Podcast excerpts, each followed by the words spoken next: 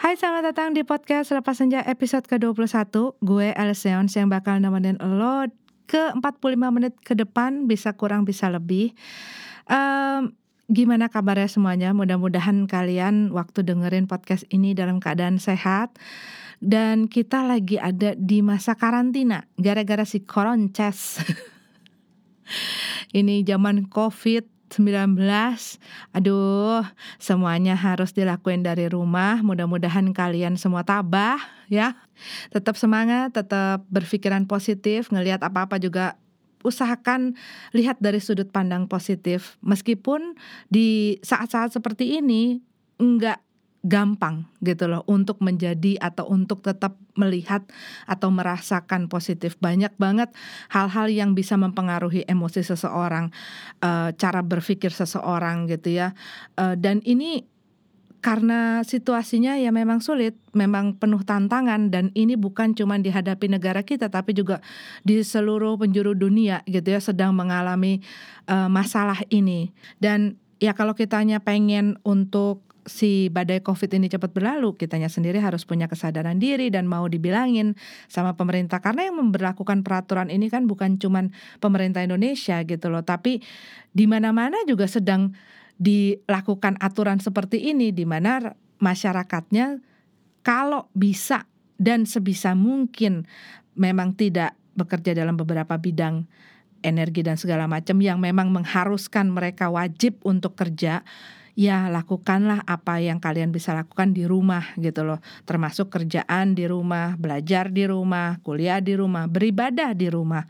Ya kalau misalnya pun kalian harus keluar jangan lupa pakai masker jangan lupa jaga jarak jangan lupa cuci tangan. Soalnya kadang-kadang kalau pas kita lagi memang harus keluar untuk beli keperluan kitanya udah berusaha jaga jarak tapi kadang-kadang orang lain eh, ya nggak bisa seperti itu. Mungkin mereka lagi konsen ya mau beli ini mau beli itu dan kadang-kadang pas lagi kayak begitu kan agak susah gitu ya ngelihat ke samping kanan kiri. Atau enggak pas lagi mau bayar eh Iya jadinya dempet-dempetan di belakang kita aja tiba-tiba tuh orang gitu kan.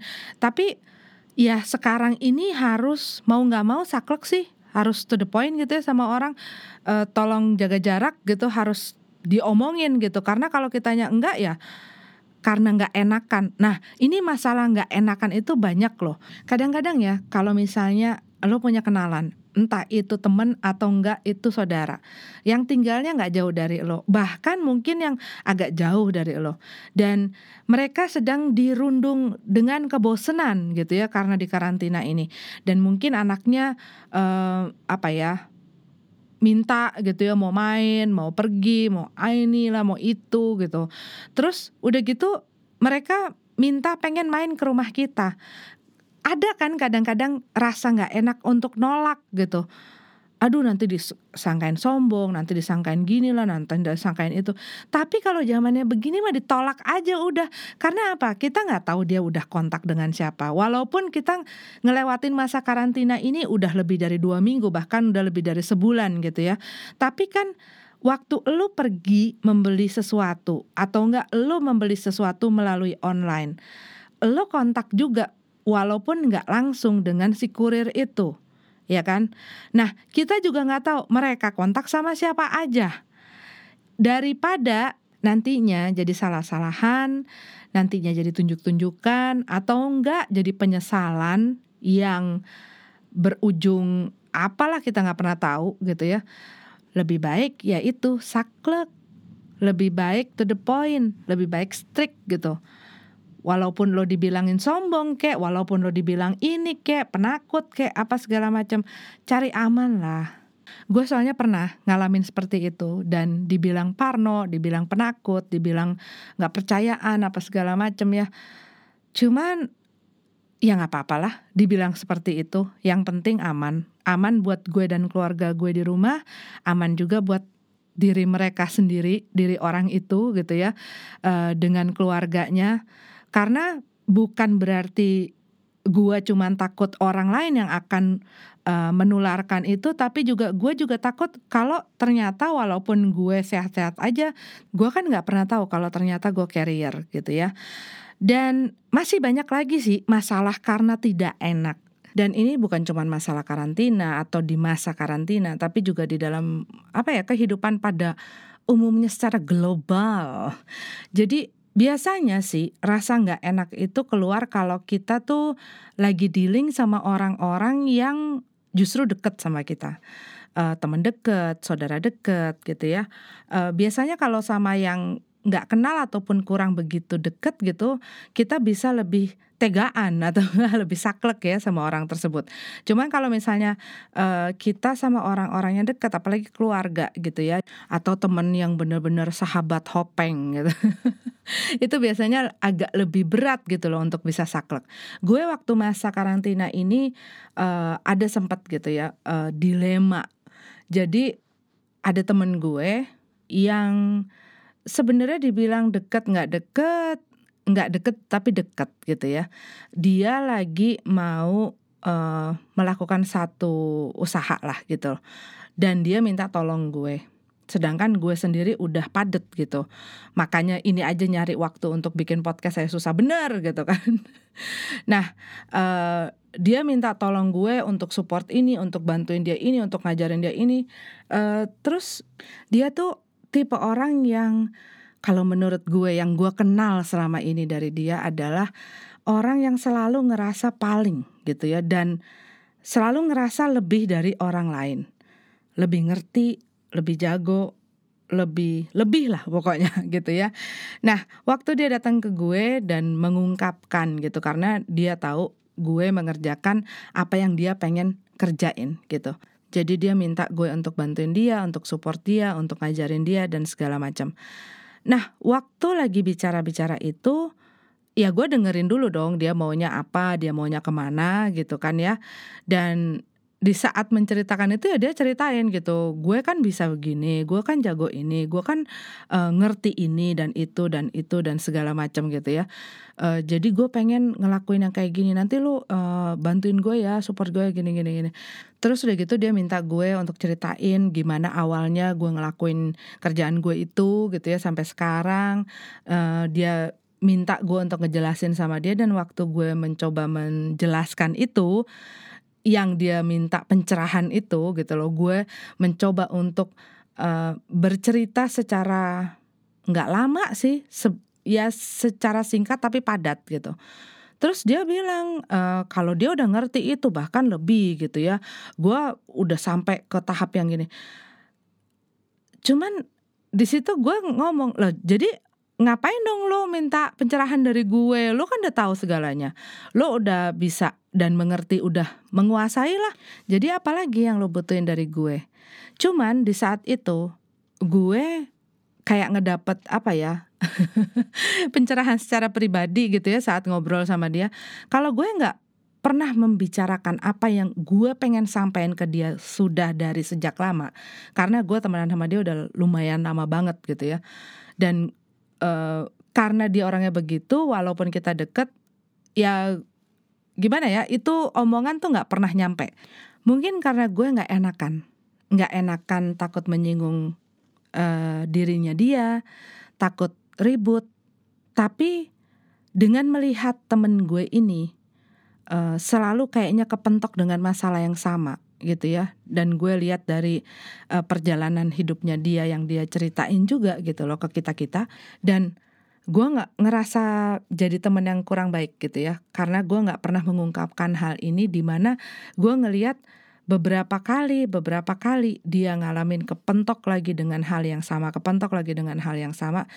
Dan ya akhirnya gue memberanikan diri untuk mengungkapkan pendapat gue karena waktu itu dia juga minta soal pendapat ya pendapat gue soal dirinya dia soal apa yang dia mau lakuin gue bilang gini memang mungkin ya kadang-kadang kita tuh ngerasa uh, kita paham, kita mengerti, kita pandai dan segala macam kita jago lah gitu loh dalam satu bidang. Tapi selama kita nggak mulai atau maju atau melakukan hal itu secara real, kita nggak lebih dari mengerti secara teori. Karena dalam pelaksanaannya seringnya dan kerap kali gitu ya orang akan mendapatkan atau mengalami hal-hal yang di luar teori dan orang yang sudah memulai melakukan hal itu pekerjaan itu apa pun itu akan lebih jago dari orang yang mengetahui cuma teori doang. Itu pendapat gue. Gue nggak tahu kalau menurut lo pendapat gue salah apa benar atau gimana pendapat lo.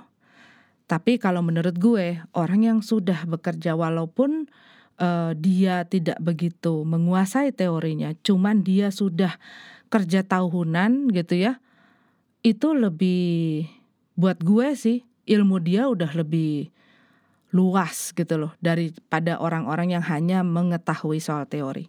Abis itu nih, dan gue sempat ada rasa nggak enak gitu ya, aduh tersinggung nih anak nih pas gue ngomong gitu. Dan um, di dalam hati gue ada lagi yang ngomong, lah selama ini banyak kok hal-hal yang bikin lo nggak enak dikarenakan ucapan-ucapan dia, dikarenakan sikapnya dia dan lu juga ngelihat ada beberapa temen lu juga merasakan hal yang sama dan berpikiran hal yang sama. Tapi nggak ada satupun di antara kalian yang berani ngomong gitu loh selama bertahun-tahun.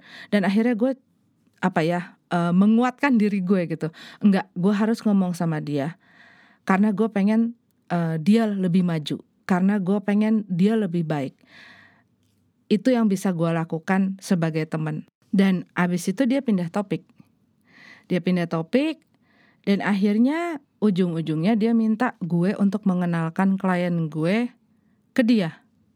Dan di situ gue cuma bisa ketawa gitu ya. Dan di situ gue harus saklek.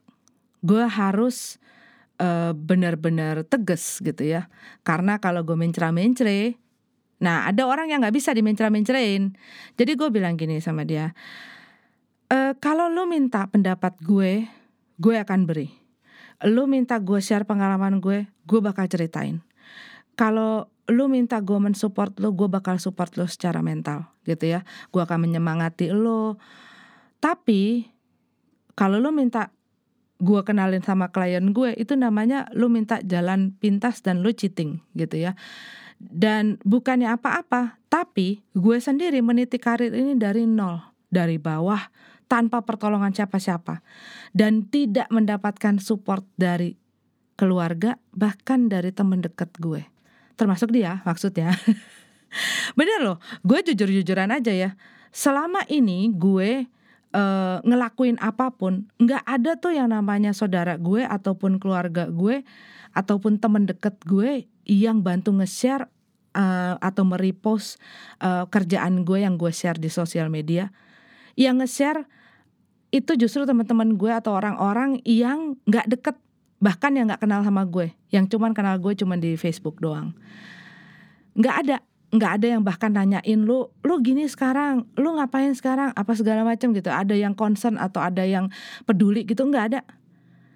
Jadi eh, ini usaha sudah bertahun-tahun gitu ya. Udah hampir 10 tahun loh gue meniti karir ini gitu ya. Dan setengah mati untuk gue step demi step gitu. Sampai gue sekarang dan sampai gue bisa mendapatkan klien-klien. Dan sekarang lo minta gue untuk ngasih itu klien ke lo.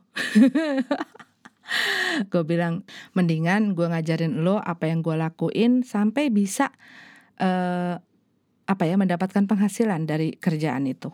Bukannya gue ngerasa apa ya takut tersaingi atau segala macam gue percaya kok rezeki itu nggak bakal salah. Rezeki itu uh, orang udah punya masing-masing porsinya gitu ya. Cuman gue sendiri selalu ngajarin ke anak gue bahwa segala sesuatu itu ada proses tidak ada apa pun yang instan kecuali lo dapat satu jackpot itu luck namanya tapi kalau lo mau mendapatkan sesuatu yang apa ya uh, yang langgeng, yang lama, yang berbuah besar dan bertahan lama hasilnya maksudnya itu lo harus menikmati, harus menjalani satu proses. Itu dari anak gue kecil loh.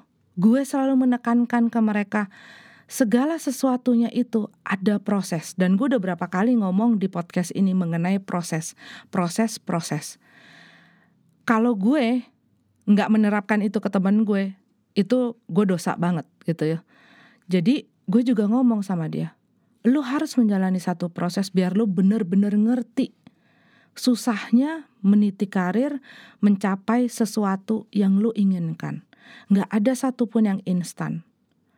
Nggak ada satupun yang apa ya mie instan aja lo harus nyeduh air dulu gitu kan. Harus ngudek dulu harus nunggu dulu beberapa menit. Harus buka bumbunya dan segala nggak ada. Termasuk yang namanya lo mau makan biskuit. Lo harus ke toko dulu beli dulu pulang buka dulu disiapin baru lo makan ya kan. Nggak ada yang tiba-tiba plung gitu muncul di depan lo. Ya gitu akhirnya gue ngomong kayak gitu dia juga ketawa-ketawa tapi nggak lama daripada itu uh, suasananya kayaknya agak jadi kurang enak karena gue saklek karena gue bener-bener berusaha dan gue bener-bener apa ya menegaskan ke diri gue sendiri gitu ya lo harus tegas kali ini lo harus saklek kali ini karena kalau tidak udah sering kali gitu ya uh, karena gue nggak enak karena gue takut nyinggung orang karena gue takut orang ngerasain apa. Gue akhirnya nggak ngomongin sesuatu yang pengen gue ungkapin. Akhirnya orang itu tetap bikin gue nggak enak gitu ya.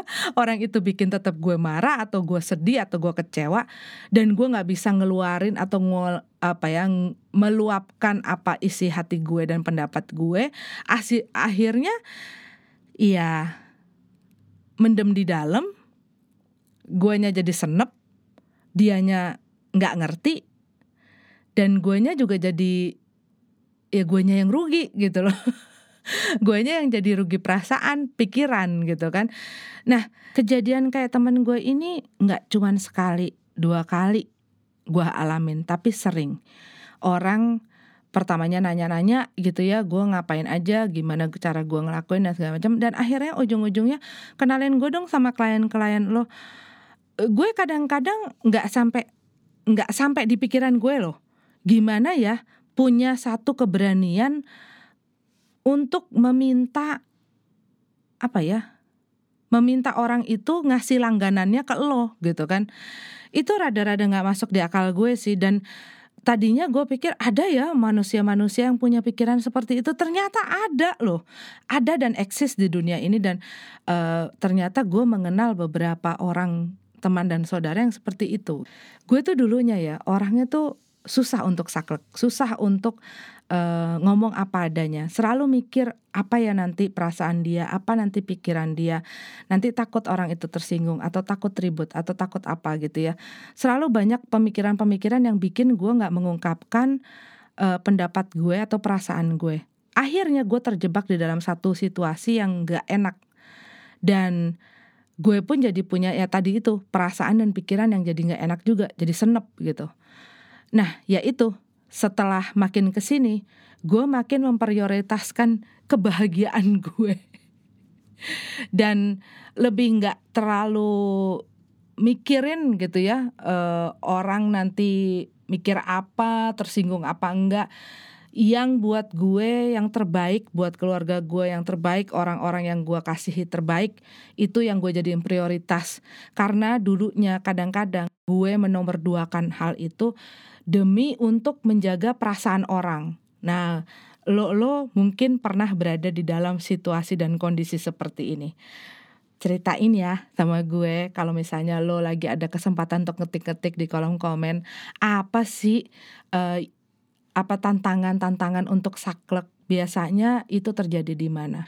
Temen gue ada loh, gara-gara masalah saklek dan gak enak-gak enakan gini sampai cerai bisa berujung ke masalah seperti itu gitu loh. Jadi dia itu eh, apa ya? Ada masalah dengan mertuanya sama iparnya. Dan dia udah ngomong sebenarnya sama suaminya gitu ya masalahnya gimana dia nggak pengen uh, mertuanya sama iparnya tuh terlalu ikut campur sama masalah keluarganya dia dan dia juga agak kurang suka kalau si kakak iparnya ini suka nginep-nginep di rumahnya dia gitu ya.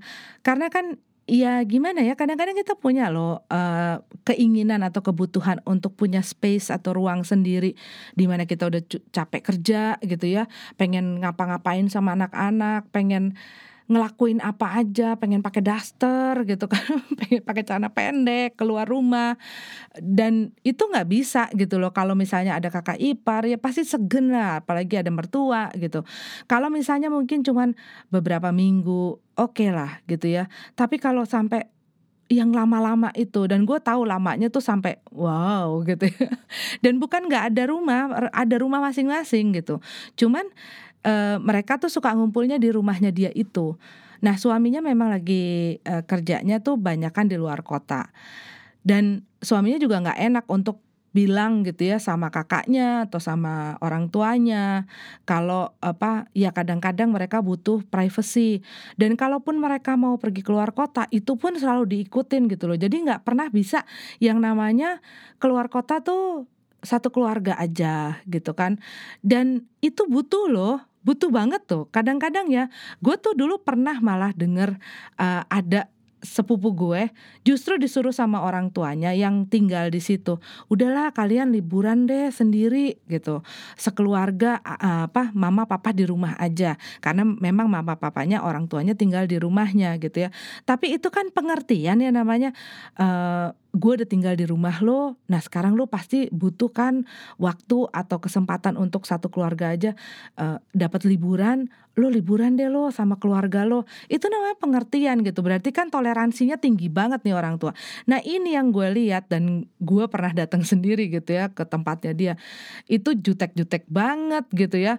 Uh, iparnya jutek, mertuanya jutek gitu ya. Ngomongnya juga ngomongnya juga nggak enak gitu loh ke orang yang tamunya dia padahal gitu ya. Mukanya tuh membuat orang yang bertamu tuh rasanya nggak enak. Padahal rumahnya rumahnya temen gue gitu kan. Uh, ya udahlah gue juga nggak cari perkara gitu ya sama temen-temen gue. Cuman cukup untuk melihat gimana sih kehidupan dia gimana sih rasanya dia. Karena waktu itu kan kita kan pada goda-godain ya. Allah masa sih segitunya banget masa sih segitunya banget. Nah dia bilang, lu kapan deh? Lu ke rumah gue lo ketemu tuh yang namanya sama mertua gue sama ipar-ipar gue. Dan pas begitu kita ke sana iya yo bener udah gila galak banget gitu kan. Uh, mukanya tuh sudah gitu setiap berapa jam gitu ya dia nanya belum pulang teman-teman kamu? gitu kan. Itu kan membuat kita tuh jadi nggak betah gitu. Nah gue nggak bayangin kalau cuman dia yang ada di situ pasti mungkin rasanya kayak dibully. Dia sih ngomong gitu gue tuh kayak dibully kalau di rumah gue sendiri. Nah, makanya gue tuh apa ya gue tuh pengen punya tempat sendiri. Toh mereka semuanya sudah punya tempat tinggal gitu loh. Nah masalah itu dibiarkan berlarut-larut sampai akhirnya sampai ke keluarganya si temen gue. Dan karena nggak enak nggak enak akhirnya teman gue nyerah di satu titik di satu poin dia nyerah. Gue nggak kuat lagi untuk berkompromi sama keluarganya laki gue. Dan lakinya juga ngerasa terjepit gitu ya posisinya ngerasa terjepit. Dia takut sama uh, kakak-kakaknya dia takut sama orang tuanya tapi dia juga susah gitu ya untuk uh, memproteksi perasaan si istrinya dan akhirnya mereka setiap kali ngomongin masalah ini berantem berantem berantem berantem. Sedangkan si ipar dan mertuanya ini tidak tahu apa-apa karena mereka nggak pernah mengungkapkan perasaan mereka dan ya unek-uneknya gitu loh. Sebenarnya apa sih yang mereka rasain saat uh, mertua ini dan ipar-ipar ini apa ya tinggal di situ gitu loh. Gimana sih perasaan dia? Apa sih yang dia rasain? Dia setuju atau tidak? Dan pendapat ini tuh nggak pernah bisa keluar, ngantem ke dalam dan akhirnya menghantam si keluarga ini, pasangan ini. Dan akhirnya berpisah. Karena ya menurut temen gue eh, si suaminya lebih mementingkan ipar dan orang tuanya di mana sebenarnya kalau dicari jalan tengah semestinya bisa gitu ya diomongin baik-baik ya kan nggak selalu yang namanya mengungkapkan pendapat atau perasaan itu dengan marah-marah atau dengan histeris gitu ya e, adalah cara-caranya gitu loh. Kadang-kadang ada kok gue uh, ingin menyampaikan satu pendapat gitu ke keluarga gue, orang tua atau enggak ke kakak gue ataupun ke mertua gue gitu ya. Uh, tapi dengan cara yang diplomatik, diplomatik, diplomatis. Dan ya bisa aja dicari jalan tengahnya yang sama-sama enak gitu loh. Yang enakin sana dan enakin sini. Tapi ya kitanya harus saklek gitu, harus uh, ya juga memprioritaskan kebahagiaan dan keinginan dan kebutuhan dan yang terbaik buat diri kita dan buat keluarga ya nggak sih bukan cuman uh, mementingkan satu pihak ya timpang akhirnya dan ya jadi saklek itu bukannya jadi orang yang kejam dan nggak peduli dengan apa yang dirasakan orang lain tapi juga bisa uh, apa ya jadi saklek dengan apa yang kita pikirkan dan rasakan gitu ya. Maksudnya meng mengungkapkan itu ke orang dan juga bisa menerima kalau orang saklek sama kita. Jangan cuma mau satu arah tapi juga bisa mengerti dan memahami. Kalau misalnya ada orang yang mengungkapkan hal tersebut ke kita gitu loh. Jadi jangan cuma mau menang sendiri maksudnya. Gitu. Gue nih dari tadi tuh ngomongin soal saklek saklek saklek saklek sampai mau keselak gue eh lagi pada puasa ya? Lagi karantina begini ada nggak sih perbedaan uh, rasa puasa di dalam masa karantina seperti ini apa lebih gampang karena lo di rumah jadi godaannya juga agak mengurang gitu ya. Kalau keluar mungkin ngelihat ini atau ketemu sama orang yang jebelin. Tantangannya masih lebih banyak, cobaannya lebih banyak gitu kan. Kalau di rumah apakah berkurang tantangannya atau malah makin besar gitu ya karena ngelihat dapur, makanan, minuman dan mungkin apa ya ngurusin anak lebih intens gitu kan ngadepin pasangan lebih intens. Kalau misalnya di karantina dengan orang-orang yang sangat menyenangkan, lo beruntung banget. Karena gue merasa beruntung. Karena suami gue dan anak-anak gue adalah orang-orang yang menyenangkan untuk bersama-sama di dalam masa karantina. Dan gue juga ngeliat gitu loh, ada beberapa teman atau saudara gue yang banyak mengeluhkan masalah ini termasuk juga di WA grup orang tua murid gitu. karena mereka harus secara intens ketemu sama anak-anaknya, secara intens ketemu dengan uh, pasangannya dan itu ya banyak yang curhat-curhat gitu ya.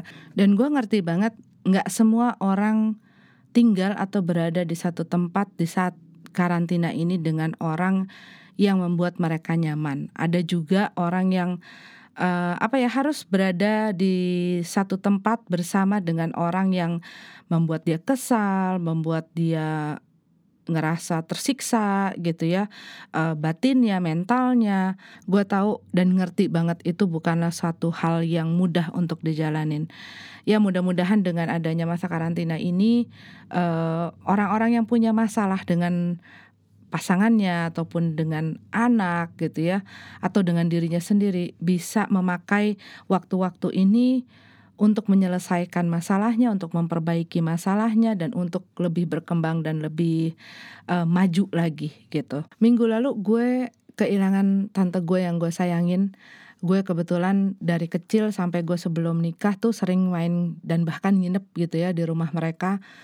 Um, itu berat banget tuh di masa Covid ini bagi uh, orang yang misalnya ditinggal pergi gitu ya. Dan kitanya pun saat datang dan mau mengungkapkan apa ya support kita, rasa kita itu tuh kehalang gitu karena kan harus jaga jarak. Di mana lu sama orang yang deket sama lu waktu dia ngerasa kehilangan, lu pasti pengen meluk, pengen apa ya, pengen pengen kasih comfort gitu loh sama sepupu lo, sama keluarga lo, sama om lo, dan itu lo nggak bisa gitu. Dan di saat itu pastinya juga orang yang sedang berkabung ini butuh butuh support itu, dan mereka nggak bisa dapetin. Waktu tante gue dirawat, kebetulan sempat dirawat beberapa minggu, itu pun rasanya juga berat ya karena selama ini gue tuh uh, deket dengan beberapa sepupu gue. Ini salah satu sepupu gue. Dan biasanya kalau salah satu dari kita ada yang sakit atau ada keluarga yang sakit kita pasti nemenin. Bisa sampai nginep-nginep gitu loh nemenin mereka nungguin. Misalnya dia masuk ICU gitu. Uh, dan waktu mamanya lagi dirawat ya kita cuma bisa di rumah gitu ya saling support lewat WA group pengen ada di sana nemenin mereka bersama mereka tuh nggak bisa. Dan bener-bener nih gara-gara si COVID-19 ini tuh bener-bener yang suasananya juga jadi jadi beda banget gitu ya. Dan uh, sulit gitu loh. Mau ngapa-ngapain tuh susah. Mau duduk juga harus jauhan, berdiri juga harus jauhan, ngelihat keluarga nangis juga susah untuk untuk apa ya mengekspresikan emosi kita itu susah banget. Semuanya pakai masker gitu kan. Nggak kebayang ya buat semua keluarga-keluarga yang ditinggalkan oleh orang terkasihnya dikarenakan virus ini. Karena mereka nggak bisa ngelihat dan menghantarkan ke peristirahatan terakhir orang yang dikasihi mereka. Tapi yang pastinya saat kita kehilangan orang yang dikasihi uh, kita gitu ya pasti berat dan sedih. Dan kita cuma bisa berdoa supaya semua keluarga yang ditinggalkan ya diberikan kekuatan, diberikan penghiburan. Aduh, maaf ya kalau akhir-akhirnya aku malah ngomongin soal ini. Soalnya tadi pas lagi ngomongin itu kok keinget dan keinget lagi rasanya. Oke oke, udah udah. Nanti gue nangis lagi di sini. Aduh, udah, udah, udah, udah. Ya, pokoknya buat kalian yang lagi puasa, semoga diberikan kesehatan, diberikan uh, kekuatan, dilancarkan semua ibadahnya, dan semoga semua menjadi berkah. Dan kalau kalian nggak penting-penting banget untuk pergi keluar kota, apalagi keluar negeri, mendingan di rumah aja jangan mudik. Tadi gue barusan ngeliat uh, apa Instagramnya Jakarta Info. Gile itu bandara. Udah ngantri panjang banget. Ya kalau kalian nggak penting-penting banget keluar rumah kalau nggak penting-penting banget pergi-pergi keluar kota janganlah. Jaga keluarga kalian, jaga diri kalian, jaga keluarga yang gak serumah sama kalian, orang tua, keluarga, teman, dan sesama supaya kita sama-sama sehat dan supaya badai ini cepat berlalu. Masa-masa COVID-19 ini cepat lewat, kurvanya cepat turun, dan kalaupun sudah turun, kayaknya kita harus saling menjaga juga untuk beberapa waktu ke depan, karena kalau enggak bisa kena wave kedua. Jadi ya itu harus punya kesadaran-kesadaran lebih tinggi gitu ya. Kesadaran bukan cuma untuk memproteksi diri tapi juga memproteksi orang lain, memproteksi orang-orang terkasih kita.